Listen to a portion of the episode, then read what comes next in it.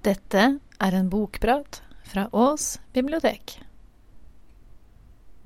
Se så mange vi er. Ja. Jeg er så imponert! Ja, det, Jeg var så redd for at det ikke skulle komme noen i det hele tatt. Ja. For det er jo så dårlig vær, og det er så mye snø. ja. Um, så jeg er veldig veldig glad for at det dukka opp så mange i dag. Hei og velkommen til Bokprat. I dag er det jeg som skal, eh, skal eh, skravle igjen, holdt jeg på å si. Uh, og i dag er jeg også veldig glad for at det kom så mange, fordi at jeg har gjort noe som er litt risky. Og det var nemlig det at jeg um, plukka meg ut en bok som jeg skulle bestemt meg for at jeg skulle bokprate om, uten å ha lest den. Og det det, det, det, kunne jo, det kunne jo ha gått skikkelig ille. Den kunne, jo den kunne jo vært dårlig, og jeg kunne ha sittet i går kveld og ikke hatt noe å bokprate om. Heldigvis så, så var den ikke det. Så i dag skal eh, I dag skal jeg snakke om en bok som heter 'Babylon Badlands' av Levi Henriksen. Ja. Den kom i eh, Skal vi se, jeg tror jeg må ha den her i den andre, andre lomma. For det at eh, Så kort ledning på. Sånn. Eh, den Babylon Badlands kom i 2006. Og den handler om eh, tre kamerater fra det fiktive stedet Skogli. Eh, som hvis dere har lest noe Levi Henriksen før, så kjenner dere antagelig igjen eh, stedet. Det, det dukker opp i veldig mange, om ikke alle, alle bøkene hans, tror jeg. Det er basert på det uh, virkelige stedet Granli, som er rett utafor Kongsvinger. Der Levi Henriksen uh, bor, tror jeg. Hvis han har vokst opp der. Han har i hvert fall en ganske sterk tilknytning til, uh, til stedet. Og jo, tre kamerater altså. Det er eh, Håkon og Fridtjof, som foretrekker å bli kalt Fats, eh, og Adam. Og Adam er eh, bokas jeg-person, forteller, som vi ser handlingen eh, gjennom.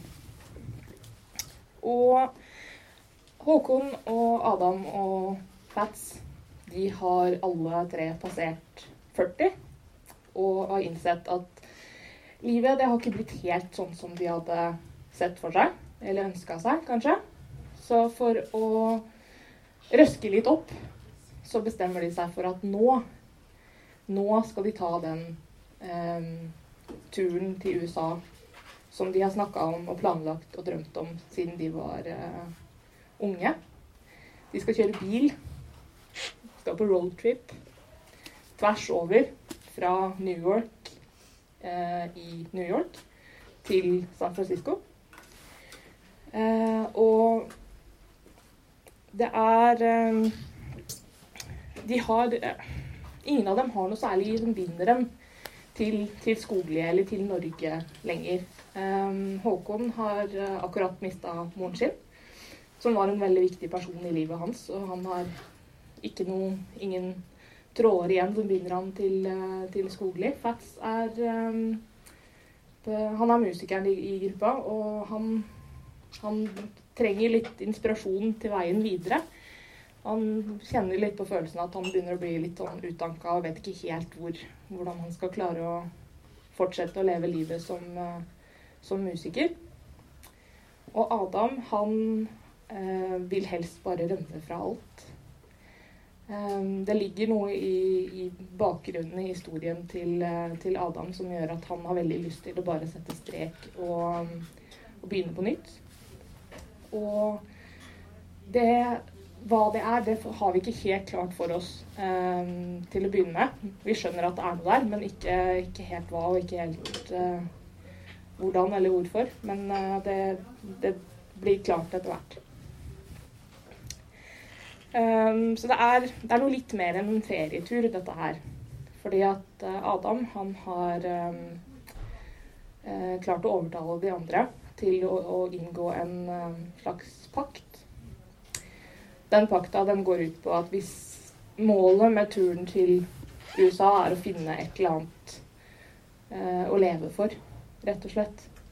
Og hvis de ikke klarer det, så skal de hoppe fra Golden Gate brua i San Francisco. Avslutte turen permanent den måten der. Eh, Det er ikke det at jeg, jeg tror de har noe sterkt ønske om å ta livet av seg, egentlig. Det er det at de, de alle tre trenger et skikkelig tupp i ræva for å, for å gjøre en innsats. for å finne et eller annet som gjør, eh, som gjør livet verdt å leve. Så det er eh, ganske mye på spill.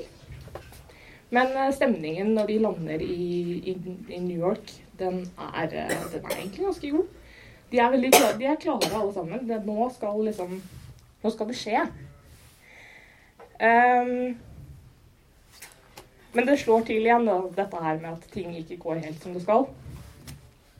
Uh, for i, de har planlagt at de skal ha leiebil uh, en uke. Mens de finner en, en ordentlig bil, eller en, en, blir enige om en bil de kan kjøpe og kjøre resten av veien med. men i en helt fantastisk sekvens som er, den, den, er så klein. Men det er fordi du som leser, du ser hvilken vei det går, og du, du klarer ikke stoppe det. Så klarer en, en bilselger ved navn, med det fengende navnet Billy Bob å overbevise Adam om at det å kjøpe en 1972-modell Chevrolet pickup er en helt strålende idé.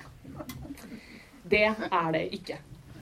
Men siden Billy Bobs Auto Ranch ikke akkurat opererer etter norsk lovgivning, i hvert fall ikke forbrukerkjøpsloven, tror jeg, så er de nå stuck med denne her 72-modell pickupen.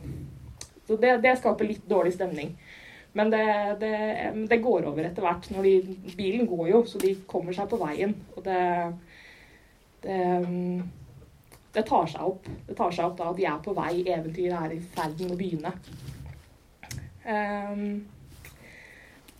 en kombinasjon av det at de har denne her eh, gamle, skranglete pickupen, og det at de har valgt uh, en måte å reise på som er ganske tilfeldig. De bytter på å bytter på å bestemme hvor de skal neste gang. Det eneste kriteriet de har som alle er enige om, er at det neste stedet de skal til, må være litt lenger vest enn det forrige, sånn at de sakte, men sikkert jobber seg mot mot vestkysten og, og San Francisco. Um, så havner de Så får de motortrøbbel. Selvfølgelig, nærmest. Uh, så ender de De er på vei til Baton Rouge. Uh, og så ender de opp i en liten by som heter New Forest Hill isteden. Der treffer de en, uh, en kar ved navn Frank Jackson. Og det møtet det hadde jeg tenkt at jeg skulle ta og lese for dere. Det er mulig jetlagen først har tatt meg igjen nå. Eller kanskje holder New Forest Hill på varmen på en helt annen måte enn St. Augustine. Her er det ingen naturlig aircondition, ingen svalende bris inn fra Atlanterhavet. Idet vi gikk fra vaskeriet, dampet lufta drivhusaktig mot oss, og da Håkon banket på døra mi et par timer seinere, følte jeg meg helt utslått. Jeg har sovet, men det har ikke vært noen god søvn. Mer som å stupe ned i et lummert skogsjern. Selv om hele kroppen er under vann, virker det ikke avkjølende, ikke oppfriskende. Jeg stikker hodet under dusjen før jeg blir med bort på rommet til Fats. Varmen ser ikke ut til å plage ham i det hele tatt. Han virker mer opplagt enn på lenge. Jeg håper det er fordi han er flinkere enn meg til å hvile. Jeg håper han snakket sant i St. Augustin, at han har tømt alt det gamle drivstoffet sitt i do. Jeg skal hilse fra Einar, sier Fats, før Håkon rekker å sette fra seg sekken med klær. Har du ringt? spør jeg. Ja, han sa det gikk greit, og at Britt fortjente at de forsøkte igjen. Verken Håkon eller jeg sier noe. Vi har hørt alt det der før. Jeg kom forresten til å nevne den sangeren mekanikeren snakket om for resepsjonisten. Dusty? Ja, eller Frank. Frank Jackson. Mekanikeren sa at han pleide å bli avbildet med alle platene sine, men i virkeligheten ga han bare ut én. Den har tydeligvis kommet ut flere ganger. Nypressinger, ekstraspor og alt det der. Ja vel, sier Håkon. Begynner å plukke ut klærne til Fats og legge dem pent sammenbrettet på senga. Resepsjonisten viste meg en avisartikkel. Frank Jackson var en del av det samme folkmiljøet som Dylan, og de skal ha hatt noen konserter sammen tidlig på 60-tallet. Men livet til Frank Jackson hadde nok moll før den tid. Hvordan da, sier jeg. På en klassetur i niende frontkolliderte bussen med en lastebil. Begge kjøretøyene begynte å brenne. Bare Frank Jackson og ei klassevenninne overlevde. Da han endelig fikk utbetalt erstatningen, tok han livet på styrten og endte opp i Greenwich Village rett før den store folkboomen. Hvorfor havna han i New Forest Hill? Han levde opp pengene sine og endte til slutt med å gå på gata i upstate New York. Så bare forsvant han. Noen påsto at han var død av en overdose. Andre at han var blitt kristen og bodd i Canada. Eller kjørte ambulanse i Texarkana. Men Fats strekker på skuldrene. Jeg vet ikke hva som skjedde. Han har tilbudt gode penger for å lage et nytt album eller spille en konsert, men Jackson nekter. Han har opptrådt på noen veldedighetsforestillinger her, men sluttet etter at pressen fant ham igjen og begynte å valfarte hit. Du skal se det samme skjer med deg nå, sier jeg. Først når du blir borte, blir du skikkelig etterspurt. Fats ler, men det er bare med munnen, og jeg angrer med en gang. Fats har egentlig aldri gjort noe annet enn å spille gitar. Har aldri hatt noen skikkelig jobb. Jeg veit at han sliter med følelsen av å være ei gammel skinnjakke hengt lengst inn i skapet. Ei skinnjakke som venter på å bli moderne, men som kanskje aldri blir det. Tilbake på rommet bestemmer jeg meg for å ta på ei skjorte. Tenker at det må være passe luftig når vi skal ut og spise. Det er da jeg endevender bagen etter den hvite bomullsskjorta, jeg kjenner at mobilen fortsatt ligger i jakkelomma. Jeg løfter den ut og skal til å slå den på da det tar i dørvrideren. Et øyeblikk, sier jeg, stapper telefonen i lomma, drar skjorta over hodet og lar den bli hengende utenpå buksa. Ute har det allerede begynt å skumre. Motellresepsjonisten bare lo da vi ba bestille en taxi, og nå føles det som om vi er på restaurantjakt med livet som innsats. Flere biler har allerede tutet med hornene, og sjåførene vinket. Vi veit ikke om de er sinte, eller bare syns det er eksotisk med fotgjengere. For å være på den sikre sida hopper vi inn i folks hager hver gang vi møter en bil. Og Det er sånn vi plutselig befinner oss stående på plenen til artisten tidligere kjent som Frank Jackson. Akkurat idet en mann åpner inngangsdøra og kommer nedover oppkjørselen. Mannen går som det ene beinet skulle være kortere enn det andre. Det ville ikke vært riktig å beskrive ham som tjukk, men mer som et hus snekret sammen med bare de groveste plankene. Opplagt en mann som har vært på besøk. Det er vanskelig å forestille seg disse kompakte klypene klimper på en gitar. Munnen inni det robuste skjegget bærer en tone. Hello, guys, sier han, og det første som slår meg, er at dette ikke er stemmen til en sanger. Hallo, hello, sier Fats, og vi blir stående på Ole Dole Doffen-rekke. May I help you? fortsetter mannen. Uh, We're just going to get something to eat, sier Fats. Ah, now I hear you're not from here. You're the Norwegians Earl told me about, right? He said you might drop by. Til å være satt sammen av grovplank er Frank Jackson en effektiv mann. Før jeg i det hele tatt får følelsen av at vi er invitert, sitter vi bak huset med hver vår ølflaske mens han pensler noen digre biffer med grillolje. Jeg har tømt over halve flaska før jeg kommer på at vi ennå ikke har presentert oss. Jeg heter Adam, sier jeg. Frank, sier han og strekker fram hånda. Fats presenterer seg sist av oss. Jeg skjønner det er du som er musikeren, sier Frank. Fats nikker. Syns du ikke navnet hadde passa bedre på meg? Fats bare ler, men jeg sverger, det er første gang på det jeg kan huske, at han rødmer. Jeg liker ikke Fats. Kan jeg kalle deg Freed? Ok, sier Fats, og jeg får en følelse av å være tilbake i skolegården, huske hvordan vi gjorde oss til når de store gutta nedlot seg til å snakke med oss. Jeg pleide å opptre selv, sier Frank, holder hånda rett over grillen, synes tydeligvis at den er varm nok, og slipper biffene ned på rista. Det begynner straks å frese, og stekeosten får meg til å kjenne hvor sulten jeg er. Hvorfor holdt du opp? spør Fats. Jeg mista lysta, sier Frank, og trekker opp en ny øl. Jeg veit ikke om det er Amerika som har krympa, eller jeg som har vokst. Men hvis jeg reiser meg, vil jeg stange huet i himmelen. Jeg er nærmere stjernene enn jeg noen gang har vært. De andre kveldene har det vært for lyst, for mange forstyrrelser. Men ikke nå. Ikke i kveld. Over hodet mitt henger det ei diger tavle, tett i tett med prikker som holder på å løsne. Krittstøvet drysser ned mot gulvet. Noen plutselige streker flerrer i stykker det svarte. Ønsk deg noe, ønsk deg noe, ønsk deg noe, Adam. Alt blir opp ned. Jeg står og stirrer ned i havet. Stjernene ligger oppå vannet. Vannliljer. Jeg er i ferd med å bli vektløs. Jeg blir sugd opp i verdensrommet. Ned blant bølgene. Jeg klarer ikke å riste vekk følelsen av å drømme. Som liten gutt trodde jeg vi bodde øverst på verden. Hvis vi dro langt nok bortover storveien, ville vi til slutt måtte kjøre på undersida av jordkloden for å komme dit vi skulle. Jeg kjenner igjen den fornemmelsen nå. Kanskje ikke dette hender. Kanskje jeg fortsatt sitter i stua på Skogli og forestiller meg ting, som jeg har gjort så mange ganger før. Bildene på veggen. Bestefar som konfirmant og brudgom. Jeg som barn. Pappa som nyutdannet offiser. Så kverner stemmen til Håkon i stykker bildet. Jeg skjønner ikke med en gang hva han snakker om. Så forstår jeg at det er engelsk. At han lurer på hva Frank Jackson driver med nå. Jeg bruker tida på det jeg liker, sier Frank. Blomster. Jeg har klart å pode en rose.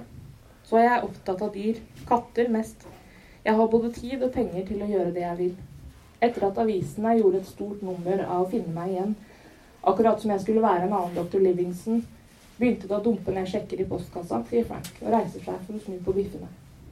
Men savner du ikke å spille? spør Fats. Jeg spiller fortsatt. Men å skrive sanger, da? Det hender jeg fortsatt gjør det også. I det siste har jeg vært mest opptatt av å lære katta å synge. Vi begynner å le, alle tre, men holder inne like brått da vi ser at Frank Jackson er helt alvorlig. Det er sant. Jeg mener selvfølgelig ikke å synge ord, men å mjaue en melodi. Vi ser på hverandre. Fats nikker til Frank. Jeg skjønner. Katter har stemmebånd akkurat som oss.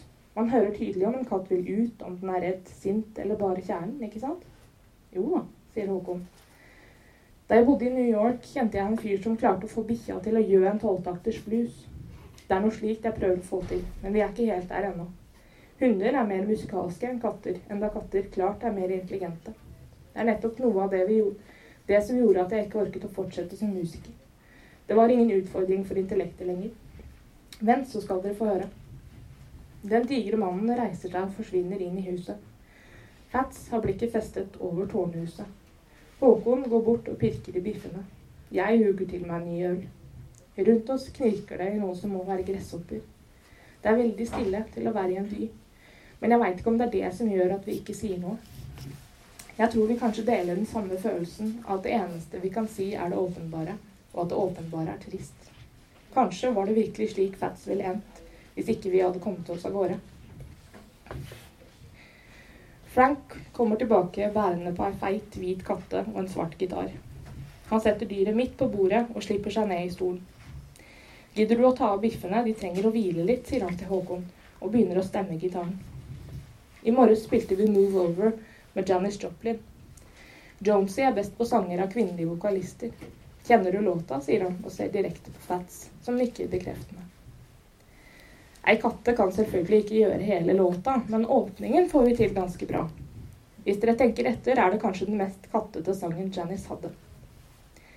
Frank spiller åpningen som en solo om og om igjen på de samme strengene. Den feite katta sitter bare helt rolig midt på bordet, og så legger den seg ned med hodet på tallerkenen til Frank. Han slutter å spille og stryker katta med utsida av fingeren over panna. Kom igjen, Jonesy, vis hva du kan. Frank tar åpningen en gang til. Jonesy hopper ned fra bordet og blir borte ved tårnhuset. Kitty, kitty, kitty, lokker Frank, setter fra seg gitaren og reiser seg fra stolen. Det ene beinet hans kommer borti gitaren stuper, som stuper i hellene med strengene ned. Henda til Fats skvetter opp foran ansiktet som hos et lite barn. Hva er det, sier jeg. Den gitaren. Det er en Gibson J200 Everly Brothers-modell fra 62. I Norge må man gi 60 000 for en sånn minst, sier Fats og løfter den opp.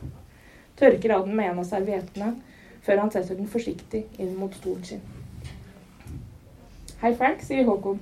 Nå tror jeg vi bør ta de biffene før de blir kalde. De ser nydelige ut. Kanskje pusen din vil synge etterpå? Ok, sier Frank og kommer tilbake til bordet. Det pleier å funke best om morgenen uansett. Frank legger en flere centimeter tjukk biff på hver av tallerkenene og sender rundt en bolle med potetsalat. Jeg ser fortsatt for meg den feite katta midt på bordet, og først da Håkon skjærer av en bit og putter den i munnen, våger jeg å sette kniven og gaffelen i mitt eget kjøttstykke. Veldig bra, sier Håkon, før jeg rekker å svelge. Så mørt. Jeg kjenner du har brukt honning, men det er en annen smak også, nesten som basilikum, men ikke så rund. Det er bladene fra den rosa jeg snakket om. Den jeg har podet. Jeg pleier å la biffene ligge i en marinade av honning, roseblader og litt lime. Det er det som setter smaken. Roseblader, sier Håkon. Utrolig. Kan man bruke alle slags roser? Det tror jeg, men det som er litt spesielt, er at biene mine henter pollen på rosebuskene. Det blir dobbelt opp. Smakene blir vridd inn i hverandre. Jeg kjenner ikke noe snev av basilikum. Kan ikke helt forestille meg hva det vil si at smaker blir vridd inn i hverandre. Men Håkon har rett i at biffen er mør. Kanskje den møreste jeg har smakt. Fats og jeg spiser i taushet, mens Frank snakker om krydder, og Håkon skribler i notisblokka. Har du lyst til å spille en låt, sier Frank til Fats da vi har spist ferdig og Håkon har båret inn tallerkenene. Fats trekker på skuldrene. Jo, kom igjen nå, sier jeg, og Fats nikker, plukker opp gitaren og skal akkurat til å slå an åpningsakkorden da Frank strekker seg fram og demper strengene med den ene hånda. Vi går opp i tårnet. Jeg føler at jeg kommer mye nærmere sangene der. Mye nærmere alt, egentlig. Jeg forsøker å fange blikket til Fats, gi ham et hint om at nå passer det godt å gå. Men Fats har bare øynene for Everly Brothers-gitaren. Jeg må bare vise dere hagen min først. Mitt private Babylon, sier Frank og reiser seg. Setter gitaren mot døra inn til tårnet og vinker oss med rundt. Jeg trodde tårnhuset dannet en slags grensepost for Frank Jacksons rike, men hagen brer seg enda lenger ut på den andre sida. Frank finner en bryter i noe som må være en og alt blir badet i bløtt lys fra små spotter rundt i trærne. Det vokser mange forskjellige blomster der, men rododendron ser ut til å gå igjen. Rododendron i flere farger enn jeg noen gang har sett. Og noen gule, liljelignende blomster. De er overalt. Myldrer over bakken, henger i bildekk og potter fra trærne og gir hagen et sidetungt preg. Helt i enden av hagen, inn mot et meterhøyt plankegjerde, er et basseng omgitt av to rader med bonsai-trær. Frank peker og forklarer for Håkon og Fats, og jeg går bort til vannet. Venter halvt om halvt å se alligatorer eller vannmokasiner svømme rundt der. Men bassenget er mer et slags drivhus for vannliljer og hyasinter. Vannet blir opplyst fra bunnen og er helt klart, og ikke noe sted ser det ut til å være noe dypere enn halvmeteren. Jeg skal til å bøye meg ned da jeg legger merke til at Frank snakker til meg. Yes? Skal vi gå opp i tårnet og høre Freed synge? Jeg nikker. Det er dette som er selve Babels tårn. Folk bygget det tårnet for å kunne se inn i himmelen, for å kunne se Gud, sier Frank. Stemmen hans er helt alvorlig, og han smiler ikke. Kan du se Gud der oppe? spør Fats. Kanskje, kanskje ikke. Folkene i Babel mistet språket da de begynte å bygge. Jeg har reist dette tårnet for å finne igjen mitt. Og, sier Fats. Jeg er ikke helt der ennå, sier han. Finner lysbryteren i treet, og hagen forsvinner tilbake inn i mørket. Oppe i musikkrommet er vinduene plassert slik at uansett hvor vi stiller stolene, er det en utsikt rundt til alle kanter. Jeg vet ikke hvor høyt tårnet er. 15 meter, kanskje? Men det virker høyere fordi det er helt rundt. Fats spiller de gamle sangene sine. De gamle, slitte sangene. Men i dette rommet klinger de annerledes. Romfølelsen forsvinner. Det er som om sangene snurrer rundt oss. Frank klapper hardt og lenge da Fats har spilt ferdig. Spør om han skriver både tekst og melodi sjøl. Fats nikker. Frank spør om han har skrevet noen nye sanger i det siste. Fats sier at det går litt treigt. Frank spør om han skal spille den siste sangen han har skrevet. Ja, gjerne, sier Fats og gir litt motvillig fra seg gitaren. Jeg forventer meg noe om katter, eller roser eller birøkt. Noe helt ute. Hva var det Earl sa? Står og venter der bussa har slutta å gå. Frank puster seg opp som en vektløfter som bøyer seg over stanga. Fingrene hans ruller i gang noe i D-dur. Så mye har jeg lært etter i alle år å være den første Fats som regel spiller sangene sine for. Så begynner Frank å synge, og bildene av Fats blir utydelige. Frank synger som jeg aldri har hørt noen synge før. Stemmen til Frank kommer fra kjelleren av mennesket. Jeg har aldri sittet så høyt og følt meg så nede. Love is in every straw, it's in every grain of sand. Will you run forever or reach for your maker's hand? You can travel round the globe, go to the finest school, If you've grown too big to be small, you're just an educated fool. Det låter skeivt. Det låter skakt. Det låter slakt. Det låter som en mann som bare har pustet til så og så mange ord, og ikke ødsler dem på en eneste unødvendig bokstav. Jeg kommer til å tenke på en serie jeg så fra annen verdenskrig. Noe om holocaust. Det er en scene jeg aldri glemmer. En jøde blir satt til å grave sin egen grav hele tida mens geværløpet til en tysk soldat peker mot bakhodet hans. Da han er ferdig, reiser fangen seg opp, og med en siste kraftanstrengelse spytter han den tyske soldaten midt i ansiktet. Frank Jackson er den jøden. Jeg føler meg som den, den soldaten, bare at det ikke er et spytt som renner nedover ansiktet mitt. Det er tårer. Hos Fats Kvalvik, mannen Norges største musikkavis presenterte som King of Cool, er det ikke bare snakk om tårer.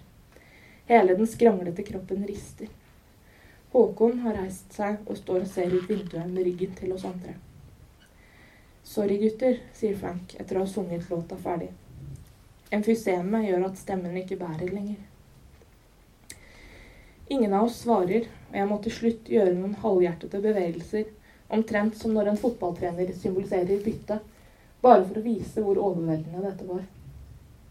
Det var en nydelig sang, sier en stemme, og det høres ut som noe Håkon kunne sagt men jeg ser munnen til Fats bevege seg.